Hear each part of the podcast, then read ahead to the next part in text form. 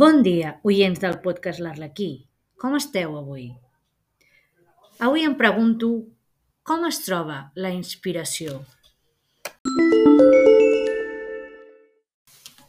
En el seu dia, Pablo Picasso va dir allò que la inspiració es troba treballant.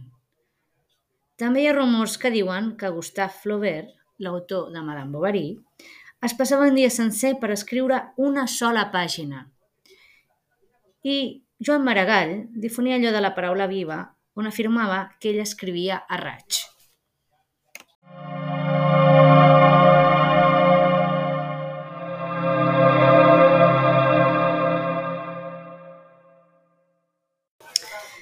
I és que amb l'estrès del dia a dia, també amb la pandèmia, també amb l'ús de les xarxes socials que ens treuen temps d'altres coses, tot això dificulta poder arribar a fer l'exercici de trobar allò tan desitjat que és la inspiració. La inspiració per començar quelcom que ens transporti a un món on tot allò que es vulgui crear és possible. De fet, fa poc he llegit un haiku de l'escriptora Francesca Calaf que resumiria tot això en tres versos.